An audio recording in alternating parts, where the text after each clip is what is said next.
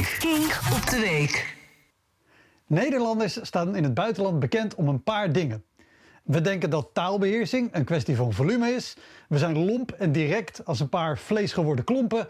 En we houden er niet van als iemand ongevraagd op bezoek komt.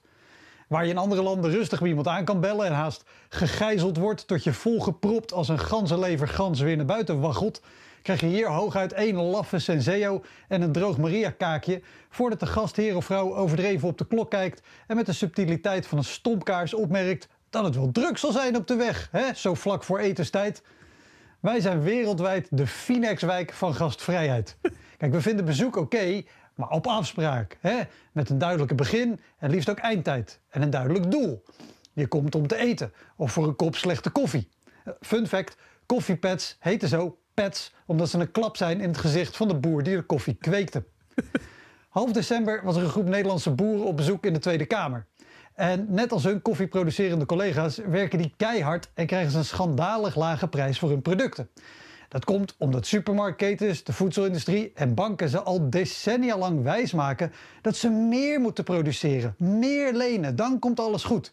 En strenge milieueisen maken het nog lastiger om een beetje leuk en levensvatbaar te boeren. Nogal wiedes dat veel boeren vielen voor Caroline van der Plas.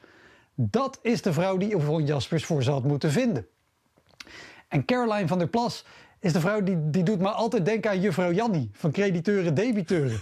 Het lijkt me ook zo leuk als ze bij een debat gewoon een keer begint met Goeiemorgen mevrouw de voorzitter.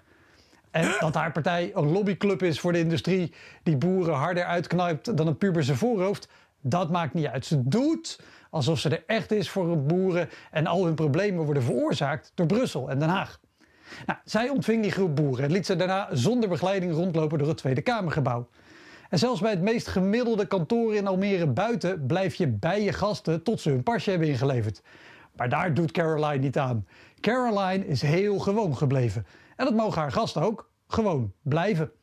En dat Renske Leijten van de SP zich nogal geïntimideerd voelde toen er opeens ongenode gasten in haar werkkamer in een van de strengst beveiligde gebouwen in Nederland stond, dat vond Caroline maar onzin. Doe niet zo moeilijk, ze kwamen alleen maar even op bezoek. En ze vond het ook onzin dat Rob zich geïntimideerd voelde toen er s'avonds laat vijf boeren in Farmers Defence Force jasjes opeens ongevraagd bij hem op de stoep stonden. En toen er van de week een maloot met een fakkel bij Sigrid Kaag voor de deur stond en claimde dat hij enkel op visite kwam, twitterde Caroline gelukkig wel dat het walgelijk was en dat ze iedereen die dat soort gasten steunt blokkeert. Nou, hartstikke mooi. Maar als je telkens goed praat dat mensen gewoon op bezoek gaan bij politici, dan komen er vanzelf ook bezoekers met slechte bedoelingen. We houden niet van ongevraagd bezoek. En politici zijn daarin echt niet anders dan wij. Thuis zijn ze thuis. En daar laat je ze met rust.